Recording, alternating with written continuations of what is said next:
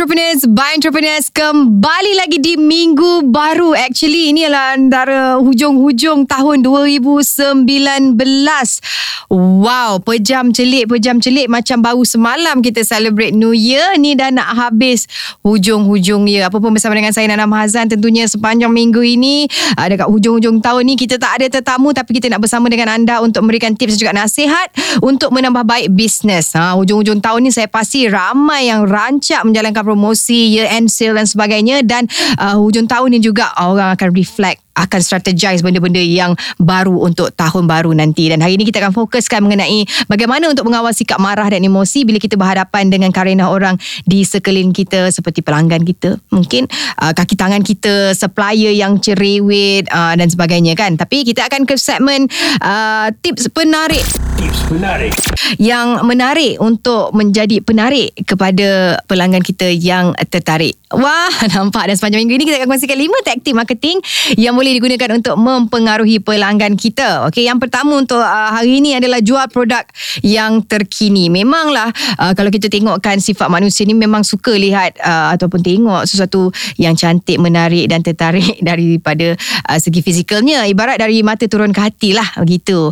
Uh, dan mereka suka sesuatu yang simple and nice, simple and yummy, simple and elegant. Contohnya, adakah pelanggan akan terdorong untuk membeli sebiji muffin kosong dengan harga RM1.5 dan memuat naiknya di Instagram? Hmm, mungkin ya, mungkin tidak. Ha, kalau kalau kita tengokkan tak ada keunikan tu memang susah sikit lah orang akan meminat dan kesannya pengikut Instagram malas untuk menekan butang like kerana kelihatan biasa saja. Tetapi kalau kita tengok sebiji muffin tu bila ditambah dengan topping krim serta taburan coklat M&M contoh ha, akan nampak lebih menarik dan tentu sekali akan mempengaruhi pembeli untuk membeli dan muat naik di Instagram dan banyaklah like yang akan diperolehi walaupun muffin tersebut sebenarnya daripada adunan yang sama saja. Kita kena ambil um, extra mile gitulah kan untuk uh, memastikan produk apa yang kita jualkan itu menarik minat orang. Ha, kalau kita rasa kalau kita tengok pun rasa tak menarik ini kan pula orang lain walaupun kalau kita nak kata menarik atau tak menarik cantik ataupun tidak itu very subjektif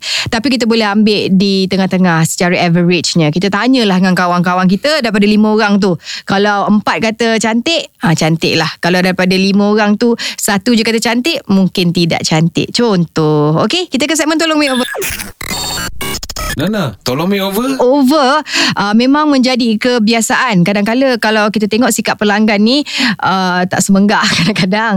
Kaki tangan ni yang buat kita pening kepala nak marah ha, dan kita tak boleh nak kawal emosi. Dan bila kita meluahkan rasa marah kita uh, kepada pelanggan ataupun kaki tangan serta orang sekeliling kita boleh menyebabkan memberi kesan kepada bisnes kita. Tambahan pula di zaman gadget teknologi ni kan semua benda nak diviralkan. Silap-silap masa kita tengah marah tu ada orang tengah rekod Ah, lepas dia dah rekod tu hmm, Faham-faham je lah Dia akan buat apa kan? Mestilah dia share dengan seorang. Lah Seorang tu pun share dengan orang lain Terus viral. Dan pastinya orang Yang uh, tahu cerita sebenar Akan memandang so, uh, anda Dengan cara yang serung sikit. Uh, Bukan anda je Bisnes anda sekali. Jadi macam mana um, Ada juga yang akan Memboykot uh, Macam mana uh, boykot bukan boykot kita je boykot bisnes kita. Jadi macam mana sebenarnya kita nak mengawal emosi marah kita uh, supaya ianya tidak meletup dan menjejaskan bisnes kita? Kalau nak tahu kita akan kongsi di segmen cuba try test share. Try, test, share. di segmen cuba try test share di Business Makeover di EFM for Entrepreneurs by Entrepreneurs uh, kita nak bercerita mengenai macam mana kita nak mengawal emosi kita. Sifat marah ini merupakan fitrah dalam diri setiap manusia. Memang betul tak boleh nafikan dan manusia mana dalam dunia ni yang tak pernah marah seumur hidupnya Hmm, ada ke? Ha, ketahuilah hati ni merupakan raja dalam diri dan bayangkan jika kita marah ataupun amarah kita ni dikuasai oleh nafsu dan syaitan, ha, itu pula menjadi raja. Sudah tentu hati itu akan musnah dan binasa. Dan kerana satu-satunya musuh di dalam diri manusia adalah nafsu dan sifat marah itu ha, merupakan sebahagian daripadanya. Dan kalau kita marah, bila kita marah, lidah kita ni boleh mengeluarkan kata-kata kesat dan kasar. Manakala anggota badan kita mampu bertindak di luar batasan. Hmm, pernah tak dengar pasal emotional intelligence? Ha, manusia ni digunakan dengan pelbagai bakat dan juga kepandaian. Ada yang pandai akademik, ada yang pandai bersukan, ada yang pandai mereka cipta dan sebagainya dan kebolehan mengendalikan emosi ini juga dikenali sebagai satu kepandaian yang tidak dimiliki oleh semua orang. Dan sekejap lagi saya akan kongsikan kepada anda tanda-tanda anda ataupun orang lain yang mempunyai kepandaian emosi. Ini penting juga sebagai uh, seorang usahawan untuk mengetahui macam mana kita nak mengawal dan kepandaian emosi. Ini kan kepada anda uh, tanda-tanda anda ataupun orang lain sebenarnya yang mempunyai kepandaian emosi. Ha, yang pertamanya tanda-tandanya adalah berfikir mengenai reaksi. Okey, orang yang ada kepandaian emosi ni tahu membezakan reaksi yang baik ataupun reaksi yang buruk dalam satu-satu keadaan. Kadang-kadang kita cenderung untuk memberikan reaksi negatif apabila berada dalam situasi yang tertekan. Ha, mereka yang ada kepandaian emosi selalunya akan dapat berfikir secara bijak bagaimana reaksi yang harus diberikan walaupun apabila menghadapi sesuatu yang negatif. Ha, mereka akan berfikir dan menimbangkan beberapa perkara sebelum mereka memberikan reaksi. Kerana mereka selalunya memikirkan kesan reaksi mereka terhadap orang lain dan juga diri sendiri. Ha, dan mereka ini yang tidak mempunyai ke, uh, kepandaian emosi selalunya hanya akan merespon tanpa memikirkan baik buruk kesannya pada diri sendiri dan juga orang lain dan boleh uh, dikatakan mereka yang suka melenting ataupun panas baran dan tidak mempunyai kepandaian emosi yang tinggi uh, inilah uh, yang terikut-ikut dengan perasaan dan suka untuk berfikir secara rasional. Mereka tidak mengawal emosi terutamanya yang bersikap uh, ataupun bersifat negatif. Apabila kurang kepandaian emosi, suka untuk individu tersebut bersosialisasi sosial dengan baik dan mudah uh, untuk berasa tertekan dan juga murung. Jadi kalau kita selalu ter- senang sangat nak flip, senang sangat nak snap, senang sangat nak rasa murung dan tertekan, kita kena uh, reflect balik, kena kena fikir balik, oh mungkin aku tidak memberikan reaksi yang tepat untuk uh, conversation yang telah pun diadakan. Okay, jadi kita kena berfikir walaupun kita nak marah ada orang bagi feedback, uh, kita punya staff tak pandai buat kerja dan sebagainya kita berfikir dahulu apakah reaksi yang terbaik yang ingin kita berikan? Ni adalah bukan setakat merasakan tetapi memahami. Kalau anda jenis yang boleh memahami dan merasai perasaan orang lain tanpa perlu diberitahu Congratulations, tahniah.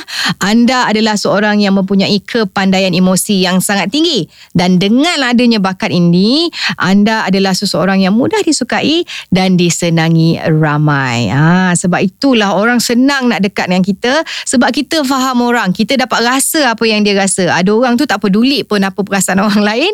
Dia rasa nak cakap, dia cakap. Ha, kalau dia walaupun uh, dia tengok orang tu sedih, uh, dia tambah lagi kesedihan dengan cerita-cerita yang tak best dan sebagainya. Tapi kalau kita dapat uh, memahami dan merasai perasaan orang lain tu, ui, bestnya. Ha, kan? Sebab kita telah pun berjaya membuat diri kita sebenarnya disenangi dan senang disukai juga. Dan orang pun senang lah untuk berurusan dengan kita. Okay, dan selepas ini kita nak cerita sikit mengenai uh, kepandaian emosi dalam mengawal minda puan usahawan ada juga pergi ke kelas-kelas uh, untuk mengetahui untuk mempelajari sebenarnya macam mana sebenarnya untuk kita uh, pastikan diri kita dapat uh, memperkasakan kepandaian emosi kita dalam berurusan dengan uh, customer dengan pekerja dengan supplier dengan siapa-siapa saja okey? Dan antara salah satu tanda kepandaian emosi adalah mengawal minda. Dan sebagai langkah untuk mengawal emosi anda hendaklah mengawal minda anda terlebih dahulu okey?